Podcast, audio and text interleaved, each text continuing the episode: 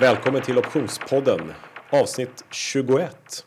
Det känns som att det är avsnitt mycket mer, men eh, känns bra. Den här podden ger kunskaper som ingen privat eller professionell investerare borde vara utan. Det här är Kalle Björkgren som pratar tillsammans med Thomas Bernholm från Nasdaq Stockholm. Hej hej. Hej hej!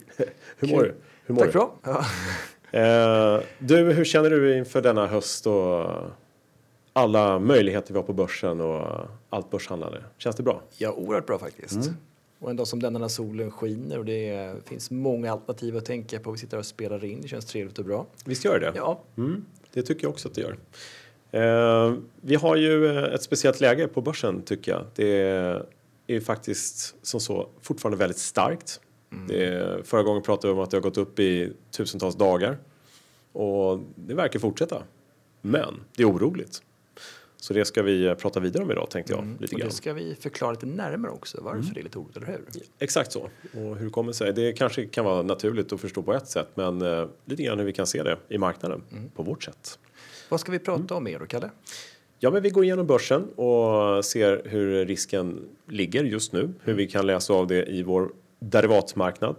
Men sen ska vi även gå igenom eh, fem stycken defensiva strategier på börsen i nuläget. Mm, lite efterfrågat hur man gör för att investera på börsen nu. Det är många som ja, men drar sig lite grann för att stoppa in pengar på börsen men samtidigt vill ju förstås tjäna lite pengar. Precis. Så- Så, det har kommit in lite frågor till podden helt enkelt om just defensiva strategier. Ja, det har det på massa olika sätt faktiskt. Och eh, därför är det väl läge att berätta lite. Det är lite repetition om det vi har sagt för förstås, det blir det ju. Men även eh, lite i nuläget vad vi kan eh, åstadkomma då. Så att, eh, Lite mer tillämpning. ja, så vi kör väl igång på det, vad säger du? Låter utmärkt. Då kör vi. Ja, läget på börsen just nu. Eh, I detta nu när vi spelar in så är börsen lite uppåtgående, rekylerande uppåt ska jag säga från en ja, större nedgång igår faktiskt. Eh, det här är ju då eh, ett läge när index står i 1631 ungefär. Och det är fortfarande höga nivåer i min värld, tycker jag. Eh, det som är rätt bra att säga, som jag brukar säga när eh, vi kör våra seminarier här, är att titta historiskt på börsen.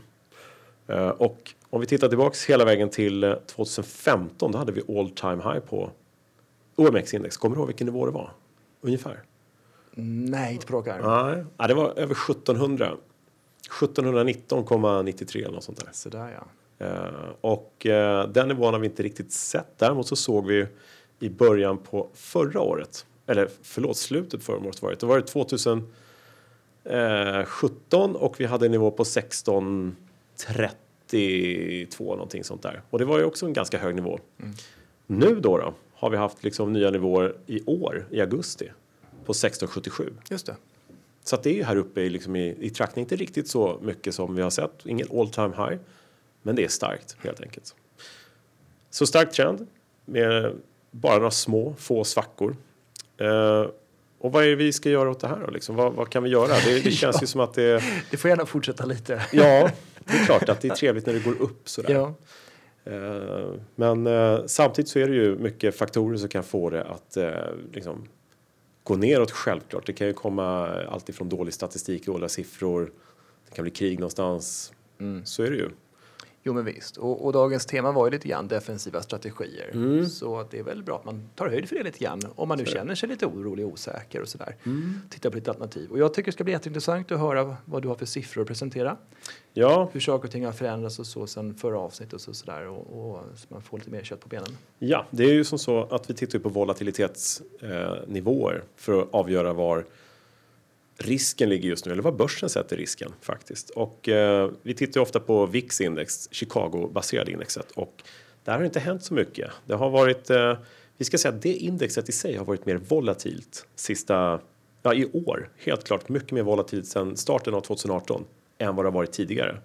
Det har varit väldigt lugnt och sansat 2017 och bakåt, men nu har det rört sig alltså riktigt mycket. Vi har sett nivåer som har printat över 40 på VIX-index, vilket är jättehög risk. Eh, Det har varit över 30 flera gånger och nu ligger det då på 12 och en halv ungefär, lite högre, 12 1260 och det är en väldigt låg nivå fortfarande, väldigt eh, låg risk överlag.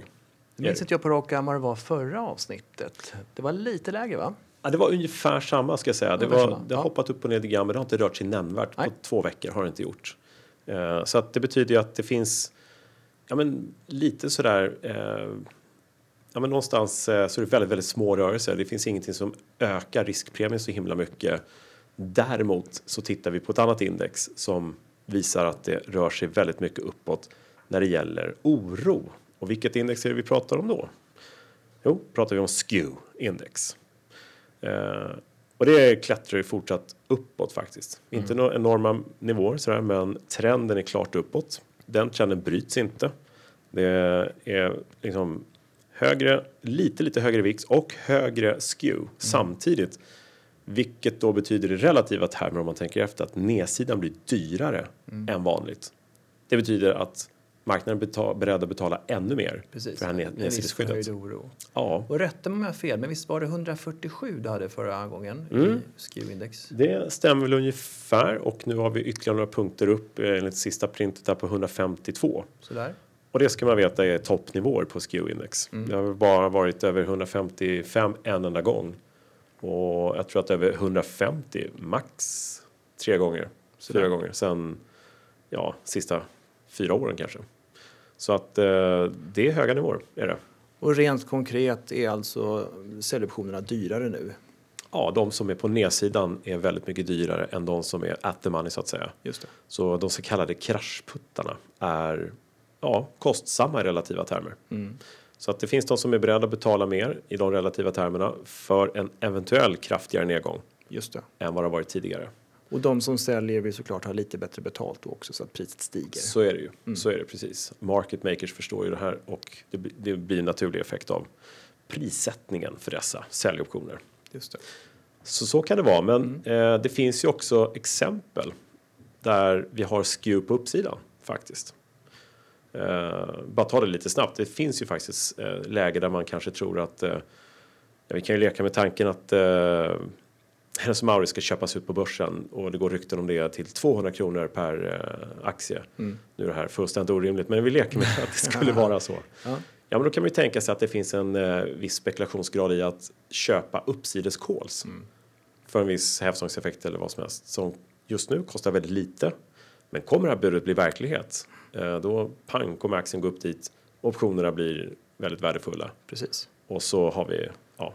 Men Samma, samma princip där man betalar lite mer och säljaren vill ha lite mer betalt också. ja, precis Och det det. blir högre implicit volatilitet i Ja. optionerna. Just så. Just det. Och då får vi då det här berömda smilet som vi har kanske hört talas om. Där man både på uppsida och nedsida har en högre relativt sett implicit volatilitet i Precis. optionspremierna. Och för er som inte är riktigt bekanta med det så tittar man på ett diagram eller chart som man ska säga så ser det ut som ett leende. Mm, precis. Kurvan blir liksom, Ja, skruven gör att det blir en kurvatur där. ja, volatiliteten mot lösenpriset så att säga.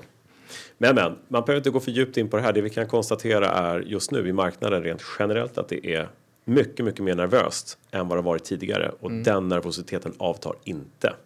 Sen kan man dra sina egna slutsatser om man verkligen tror att det kommer hända någonting eller om bara nervositeten är nervös, inte, inte befogad. Men eh, det finns ju trots allt lite riskmoment där ute. Har du även lite siffror på OMX? Det har jag.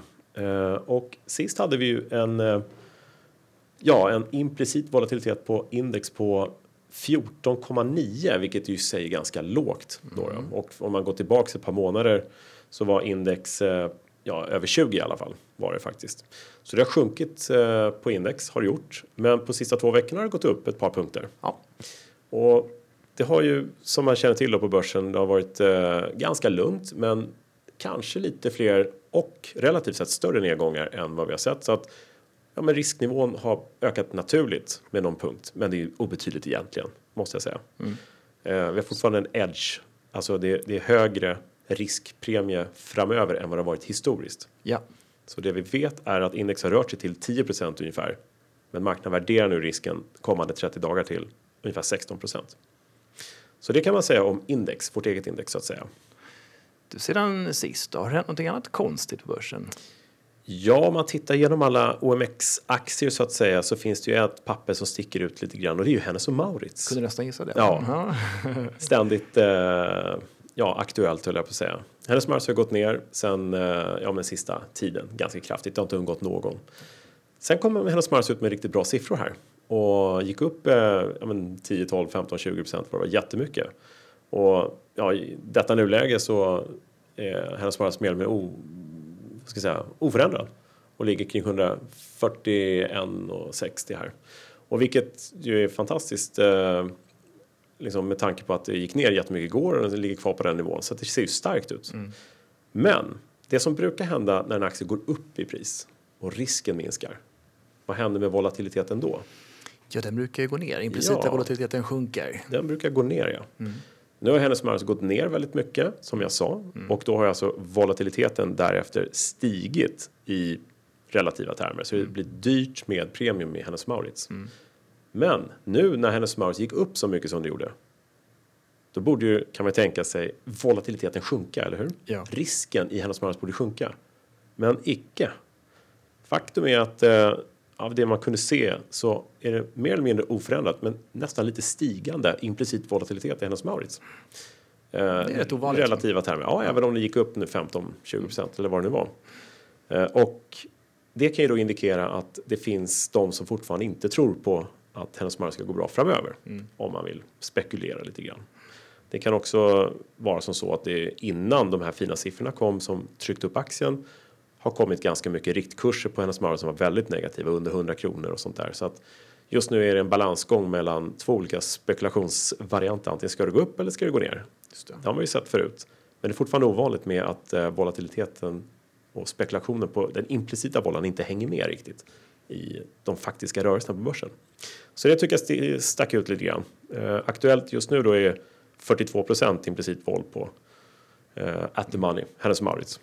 Och det är markant högre än index generellt. Det är det ju. Ja. Eh, och det är bland de högre på hela OMX-index så att det är inte så. Det är mycket risk i hennes Maurits helt enkelt. Kalle, vi pratar mycket om implicit volatilitet. Vi Mm. pratar ibland om greken och sånt där. Men mer konkret, nu har vi alltså sett en mindre förändring i implicita volatiliteten generellt Mm. på index. Ja, Men hur, hur ska man tänka som investerare? Alltså, varför ska jag ha koll på den biten? den implicita volatiliteten. Ja, jag menar vi vet att det handlar om värdering och sånt. Men liksom, Mm. Det är ju som så att eh, alla som sitter och handlar med optioner, de handlar med ett kontrakt som är ja, men, värderat 30 dagar framåt i tiden. mm, Och om vi tar exemplet med SKEW helt enkelt, att folk köper nedsidesputtar, både i aktier och index, så får vi en indikation på vad folk tror om framtiden. Och naturligtvis är det väl bra att titta på den implicita volatiliteten för att få ytterligare ett instrument till hur risken faktiskt ser ut längre fram. Hennes Maurits som vi just nämnde har alltså 42% volatilitet. Och det är bara en siffra för många. Men då ska man veta att en normalnivå är 20 kanske. Det här är dubbelt så hög risk relativt sett. Och det är vad folk tror. Det är vad marknaden sätter risken till i Hennes Maurits just nu. 30 dagar framåt. Så det är ett eh, fantastiskt verktyg att titta på om man vill veta lite grann om det papper man äger eller är intresserad i. Vad tror marknaden om risken? Och det finns jättemycket analyser man kan titta på men det här är naturligtvis ett bra extra komplement till eh, ja, men, frågan som man ställer sig ibland. Ska jag investera här eller ska jag inte göra det? Ja. Så får man bra svar.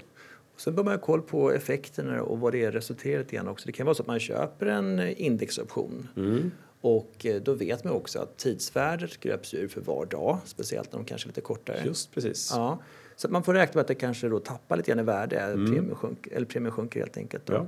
Men då kan det ju vara så att om implicita volatiliteten stiger så kan det kompensera det. Så är det. Exakt så är det. Ja, och det Och- rätt ja. intressant. Ja, det är, det är superintressant. Mm. För allt annat lika, det enda vi vet med säkerhet, tiden går. Mm. Och ju närmare förfall vi kommer en option, desto närmare värde noll får den, Mm. så att säga. Men det här kan ju kompenseras av många saker. Dels ska ju aktien röra på sig.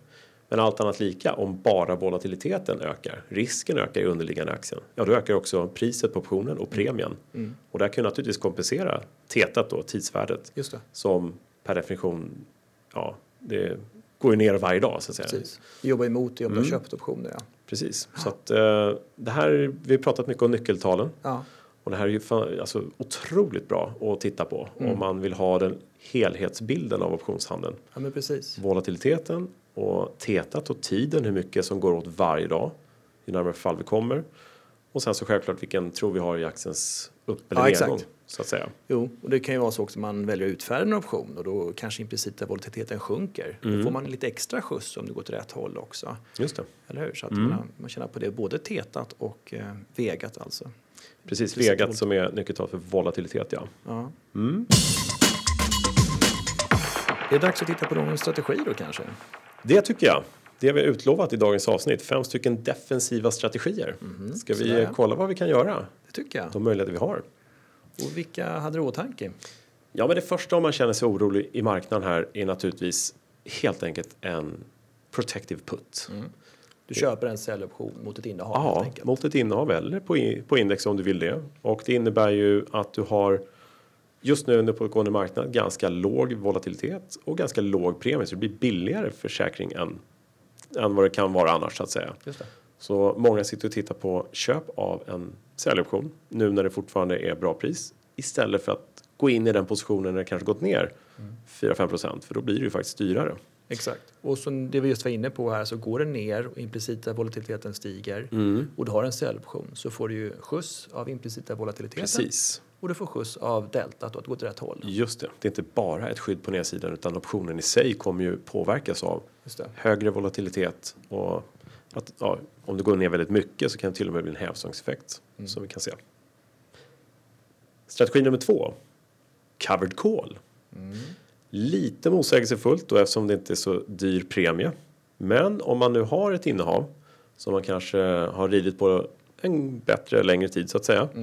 Eh, jag har pratat mycket om Elekta faktiskt sista tiden med vissa som eh, eh, aktien har gått otroligt starkt och eh, den fick en liten svacka nyligen, det var rapporter och, och sådär men sen så har den kommit tillbaka upp och vad ska vi göra i det här läget?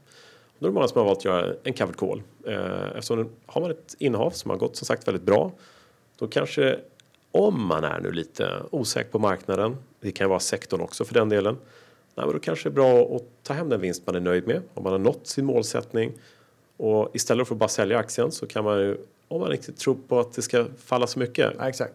sälja kol istället Ja, precis. på en bra nivå.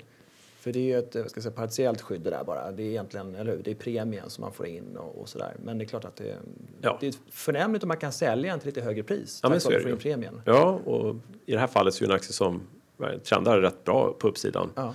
Och om man har då en eh, ja, men, någonstans at the money eller kanske lite ovanför och inte tror på att det ska gå ner så nämnvärt mycket närmaste närmaste tiden så kan det vara ett bra alternativ för att eh, minska risken i portföljen och bli som sagt lite mer defensiv i sin marknadssyn så att säga. Vi har pratat mycket om covered calls förut men det är värt att betona kanske att man, man är ju inte skyddad på nedsidan mer än premien. då. Så är det. Ja. Man kan gå tillbaks till avsnitt tre. Avsnitt tre redan? Ja, det var ett tag sedan. avsnitt tre, det var ett tag sedan. Där pratar vi både om protective put och covered call. Så där ja, men vad bra. Mm. Det är bara att bläddra tillbaka så kan, vi, kan man fördjupa sig där. Just det, toppen. Strategi nummer tre. Call spread. Ja, Och här har vi faktiskt en lite kul exempel som vi har gått igenom en gång redan men kan ju snabbt repetera det kanske. Eh, jag tänker på om man tror på en uppåtgående marknad så kan man köpa en kol. Det säger sig självt. Men då gäller det kanske att det ska gå upp rätt mycket och ganska snart. just det. Eh, och om man tror på en uppgång som är alltså, stor, kraftig, och det kan ju för all del finnas möjligheter till i vissa papper i vissa lägen. Då ska man köpa en kol. Men i det här läget vi pratar om nu så kanske det är mer troligt om man fortfarande tror på en uppgång att det blir en ja, men kanske lite mer begränsad uppgång. Just det. 2-3 procent kanske eller någonting sånt. Och om vi bara tar något exempel där vi köper en vanlig kol för x antal kronor. Men vi gör en kolspread istället och liksom klipper liksom uppsidan. Just det. Då får vi köpa en kol, vi får in pengar för den sålda kolen, vi betalar så mindre netto. Men vi begränsar vår uppsida. Men procentuellt kan vi bara leka med siffrorna. Så har vi kanske uppnått någonting mycket bättre. Exakt. Om det nu inte rör sig så mycket. Ehm, så vi hade något exempel förra gången, jag minns inte riktigt siffrorna faktiskt.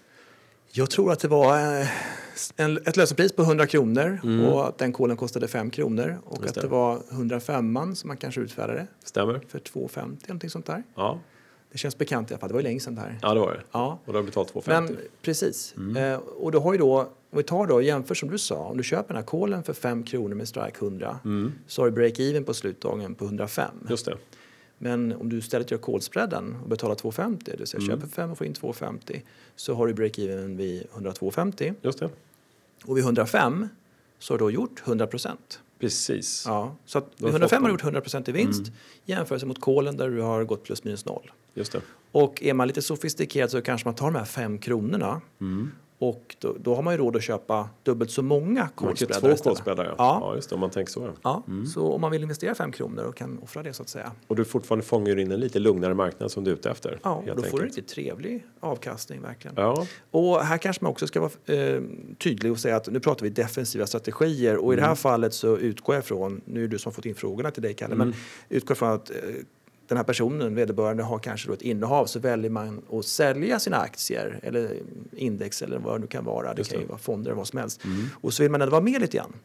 Just det. Så man släpper sitt innehav Mm. och är med på uppsidan lite grann med en väldigt begränsad investering men fortfarande en ganska bra vinstmöjlighet. Exakt. Och det tycker jag är ett väldigt, väldigt fint sätt att använda eh, de här instrumenten på. Ja, Verkligen. ja det, det är verkligen det är sånt här man verkligen vill förmedla. Ja, men Det här är precis. faktiskt riktigt bra. För, för då har du det enda du kan förlora här om du etablerar en call spread, det är vad du har satsat helt enkelt. Just det. Och du, då ska vi bara repetera från start att du, du satsar ju mindre i pengar än om Exakt. du bara köper en kol. Ja. Och du blir mindre implicit volatilitetskänslig, mindre theta-känslig. Nackdelen kanske ska säga, vi har pratat om det här förut vet jag, men det är väl Mm. att du, du låser lite grann. Den här kommer till sig rätt mer ju närmare förfall du är. Så att Just går, så. upp, går aktien upp jättemycket imorgon då är det inte så roligt. Nej, Du- då nej. har du en alternativkostnad som vi också gått Ja, men precis. Nej, men så att ett alternativ till att Ja. behålla aktier helt enkelt, men mer långsiktigt så här. Och det här kan man titta mer på, lyssna mer på i avsnitt 5. Så där ja. Mm, faktiskt. Kommer du ihåg de här? Jag kommer ihåg alla. Vadå, gör inte du det? Fråga inte mig bara om det Va? är sjuan eller tian, jag kommer inte ihåg. får jag se till att du pluggar in. Ja, precis. Jag kan alla utan till. Ja, det låter bra Kalle. Strategi nummer fyra. Ja. Eller strategi, strategi i det här fallet. Men eftersom oron är lite sån här påtaglig att det kan hända någonting lite när som helst. Mm. Kanske inte om en timme, men man vet ju inte. Men i närmare perspektivet så skulle jag vilja slå slag för veckoptioner. Mm. Och här kan man ju göra vilken egentligen, alltså alla de här strategierna vi har sagt, men man kan ju även titta på övriga strategier fast på veckobasis så att säga. Och är det någonting exempelvis i ett enskilt papper, de, många aktier har ju idag veckoptioner, inte exakt alla ännu va, men, Nej. men många har det och index har det framförallt. Om det är någonting som kommer som till exempel eh, ja, men några specifika siffror i något specifikt bolag. Det kanske kommer rapport, det kanske kommer någon, någonting, eh, ja, men, någonting från USA om handelstullar, någonting som man vet kan vara känsligt. Då Eller bara man, magkänslan. eller bara magkänslan ska man inte förringa. Nej, precis. Ja, då kan man faktiskt eh, handla optioner bara på några dagars sikt Ja, och då blir det ju precis. som jag sagt tidsvärdet mycket, mycket kort och därmed väldigt mycket mindre Precis. premie, billigare optioner. Så det blir en väldigt fin hävstång om man har rätt. Då, Just precis. Så Precis. att eh, det defensiva i det här är att man inte går in i allt för långa optionskontrakt. Om man inte ska sitta ett halvår till exempel om man nu är orolig för en marknad. Det säger sig självt kanske. Precis. Så det kan vara en snabb spekulation uppåt och det kan vara ett, ett snabbt skydd eller man ska säga på nedsidan. Ja precis eftersom eh, defensivt behöver inte betyda negativt. Utan men defensivt att man är orolig för att det kanske inte kommer fortsätta upp så mycket. Mm. Och det kommer ligga still eller någonting sånt där. Så har vi i alla fall i det korta perspektiv fortfarande möjlighet att göra bra strategier. Exakt. Hjälp av veckoptioner. Så defensiv kan man säga att man blir till exempel mindre lång så att säga. Man får alltså marknadsuttryck här. Lång och kort. Liksom. Mindre lång och Ja. ja. Men du Thomas, vilket avsnitt eh, pratade vi om veckoptioner då? Jag kan ju bara gissa på uh, 14. Det är helt otroligt. Det är helt otroligt. Du, du vet att det är, du har helt rätt. Jag visste att du hade koll på alla avsnitt. du ska vara ärlig och säga att jag fick en liten vink här av, Kalle. Ja, Jag försöker få det att se bra ut. det precis det tackar vi för. Ja, nej, men eh, avsnitt 14 kan man gå och lyssna Ja. på mer på om, om veckoptioner. Perfekt. Sen strategi nummer fem. Ja. Eh, och den här har vi inte pratat så mycket. Jag vet att vi har pratat om den flera gånger, men det finns, har inget eget avsnitt. Men det är då en fence. Just det. Och nu bollar tillbaka lite grann på covered call. Ja. Som jag brukar jag vilja göra i alla fall. För att om man gör en covered call, då är man fortfarande lång aktien. Även om man sålt en call på uppsidan. Men i och med att man är lång aktien har fortfarande samma risk i marknaden så att säga. På ett sätt. Man har fått en premie förstås. Mm, man är ju precis. lång aktien och exakt samma risk. Som vi sa här som exempel nummer två faktiskt. Här Ja, exakt. Ja. Mm. Och då gör vi strategi nummer ett plus två. En covered call tillsammans med protective put. Just det. Och protective put, då gör vi det lite grann på nedsidan. Så att vi har liksom en, kallar för stop loss eller någonting. Mm. Brukar vara vanligt. Man kan göra på vilken nivå man vill naturligtvis. Men det är väl det vanliga. Då kan vi fortsätta ta på samma nivå som du har kolen i covered call. Då får vi en syntet. Va? Aha. Då är det stängt på skon. Precis. Men Men, det men, gå det in fina i kråksången som du säger, det är ju verkligen att du, du har en covered call. Mm. Du får in premien för din utfärdade köpoption. Ja. Och den premien då kan finansiera en köpt säljoption. ja, jag gillar Så- det där. Det ja. finansierar Ja, men visst. skyddet Så på att du nedsidan. kanske gör den plus minus noll. Ja, Och du är begränsad på uppsidan, men det kan du leva med för att du är ganska negativ just nu. Ja. Och sen har du ett skydd. Du vet att här, jag menar, vid en viss nivå, det är ingen fara, jag får sälja där, vad som än händer. Mm. exakt. Och vet du vad du kan göra? Den här putten på nedsidan som skapar din fans kan du göra med veckoptioner. Just det. Om det är någonting du är kortsiktigt orolig för. Precis. Slipper du betala så mycket Just för din det. försäkring. Så då har du kvar en del av den där goda premien du har fått Just i din covered call. Och har du Så- fel i din timing så kanske du köper en veckoption då några veckor senare. Ja, precis. kvar Exakt. vad man ska säga. Så här är det lite aktivitet och det är lite möjligheter och bara man tittar på det här bara lite grann så har man faktiskt jättefina möjligheter att Mm. bli mer defensiv i sin marknad. Bli mer liksom, proaktiv på vad som händer på börsen. Och går det ner här nu, om man leker med tanken att man håller på så här och så börjar det ticka neråt på riktigt. Dels kommer vi vara mycket mindre riskbenägna i vår portfölj. Har vi en protective put, ja men då är vi skyddade i respektive papper eller vår portfölj. Då kan vi ju faktiskt bygga vidare på det här och sen så ha en bra strategi som vänder oss kanske korta netto och är med på hela nedgången om det nu skulle komma en sådan. Så att det här är bra på flera sätt. Inte bara att det kortsiktigt kan skydda en viss del av nedgången eller att vi skyddar en del av portföljen. Vi kan faktiskt bygga på en position som får oss att hänga med neråt och tjäna på det. Just det. Så det, och det berörde vi grann olika. förra avsnittet också. Mm. Man köpte säljoptioner med längre löptid till exempel och sådär. Kan Exakt vara en så. bra bas. Mm. Just det.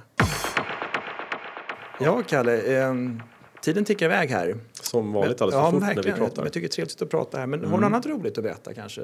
Sedan, medan det var två veckor sedan vi sågs. Ja, jag fick ju eh, samtal måndagen efter valet här, det svenska valet. Just det, förra avsnittet var ju precis innan Ja, det valet. var det. Just det. Stämmer ja. Mm. det. Och efter valet så fick jag ett samtal, eller jag fick flera samtal ska säga. Eh, av, Optionsfrågor? nej, Nej. Eh, de här samtalen var i sig oberoende av varandra men hade samma ärende. De frågade mig vad, vad eh, tror du, vad tror ni om eh, regeringsbildandet? Det verkar vara låst läge och sådär. Fick du sådana frågor? Ja, och Jaha. det kan man tänka sig kan vara en undersökning eller någonting. Men det visade sig vara journalister som ville ha ett svar från proffs. Ursäkta att jag skrattar, Ja. men ja. Kör du politik också? Ja, det undrade jag också när jag gjorde, så jag var tvungen att fråga förstås varför ringer ni mig? Ja, men du driver ju den här opinionspodden. N- Nej, jag driver optionspodden Ja, ja, ja. och optionsbloggen och handlar med optioner, eller har fokus på det i alla fall. Jaha, det har alltså, jaha, ja, det har kommit upp då på en lista där de har skannat av vad, vilka som kan vara så här proffstyckare. och då var det opinionspodden hade kommit upp, där var det flera som ringde. Så de sa så här, ja, men då kanske vi ska ta bort den här listan. Ja, tack, det är nog bra. Så här. Men du, vad tror du då? De sa det ändå? Ja, men gud vad roligt. ja, nej, så att jag blev, blev proffspolitiker där ett tag och det kanske kan vara en framtida karriär. Det är nästa grej Mm. Men du, eh, eh, till dagens avsnitts ära när det gäller optioner Ja. och handeln i en defensiv marknad så ska vi ta ett ordspråk tänkte jag som kan passa bra och som är ganska klassiskt. Defensiv marknad, defensiva strategier i en stark marknad. Ordspråket lyder Better be safe than sorry. Just det. En klassiker. Var på den säkra sidan. Ja, precis. Sen försökte jag kolla, där känner ju alla till. Ja. Men var kommer det här ifrån? Och då står det så här att eh, det här har blivit trackat tillbaka till någon som heter Roy, Rory O'More. En irländsk lord på något sätt. Som, Mhm. Men det, det är svårt att se, det finns massvis med olika teorier var det kommer ifrån. Ja. Man kan ju tänka sig tusen situationer men eh, jag vet inte exakt vem som myntade det först men förmodligen är det Mr Rory O'More. Det Lord var länge sedan O'More. antar jag. Ja, det var på 1800-talet, början på 1800-talet va? Ehm, ja, född 1797, död 1868. Så det ett tag sedan. Lite allmänbildande. Ja, Ja. många som varit eh, better safe than sorry under Just lång det. tid. Just det. Så att eh, det kan vi ta med oss Verkligen. till, eh, ja, in i marknaden eh, och in i evigheten kanske. Eh, I vår handel. Och eh, jag bara hoppas att tiden går lika fort som gjort nu till nästa avsnitt. Eller vad, vad tycker du om det? Jag är beredd att hålla med. Ja. Och under tiden, vad ska man göra om man undrar någonting om optioner? Tycker du? Jag tycker att det, det verkar som att det fungerar bra att mejla till dig. Det går alldeles utmärkt. Eller skicka in, eh, gå in på optionsbloggen.se och fyll i formulär där. Gå in på optionspodden.se och om man nu vill eh, ha ja, ställa en fråga som vi kan ta upp här. Eh, båda vägar funkar jättebra. Det har kommit från alla möjliga håll frågor. Ja. Från att Twitter också, att se Björkegren. Det är bara att koppla upp sig där på mig. Jag, ska, jag har fått lite så här påtryckningar, bli lite mer aktiv. Jag ska försöka vara så aktiv jag bara kan. Eh, och eh, jag är tacksam för alla frågor. Och Utmärkt. så. Jag ser att du har lite fina Excel-blad här också när vi pratar om Mm. Edge och, och, och SKU och allt sånt här. Och, och är det sånt du lägger upp på bloggen? Det är tanken att det ska komma upp så mycket sånt som möjligt. Just nu är jag i fas av att bygga om lite grann. Då Ja, ja. Vi sidan? bloggar och eh, hemsidor och eh, även uppdaterat en del fina eh, Excel-ark som ska komma Ja. till nytta för alla som vill ha dem så att säga.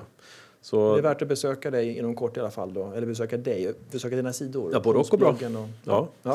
eh, det är bara att hoppa in där och kolla. Förr eller senare så kommer det upp någonting som man kanske kan ha lite användning för. Mm. Och eh, vi kan bara kort uppdatera också. Vi har ju de här kurserna i eh, oktober. Just det. Det börjar bli fullbokat nu. Hur många är det? Det är 150 personer som är uppskrivna va? Någonting. Eh, närmare 150, ja precis. Det är rätt många. Ja, det är det. Det är några fåtal platser kvar bara. Mm. Steg två, steg tre har lite fler ledarplatser än så länge. Ja, just det. Mm.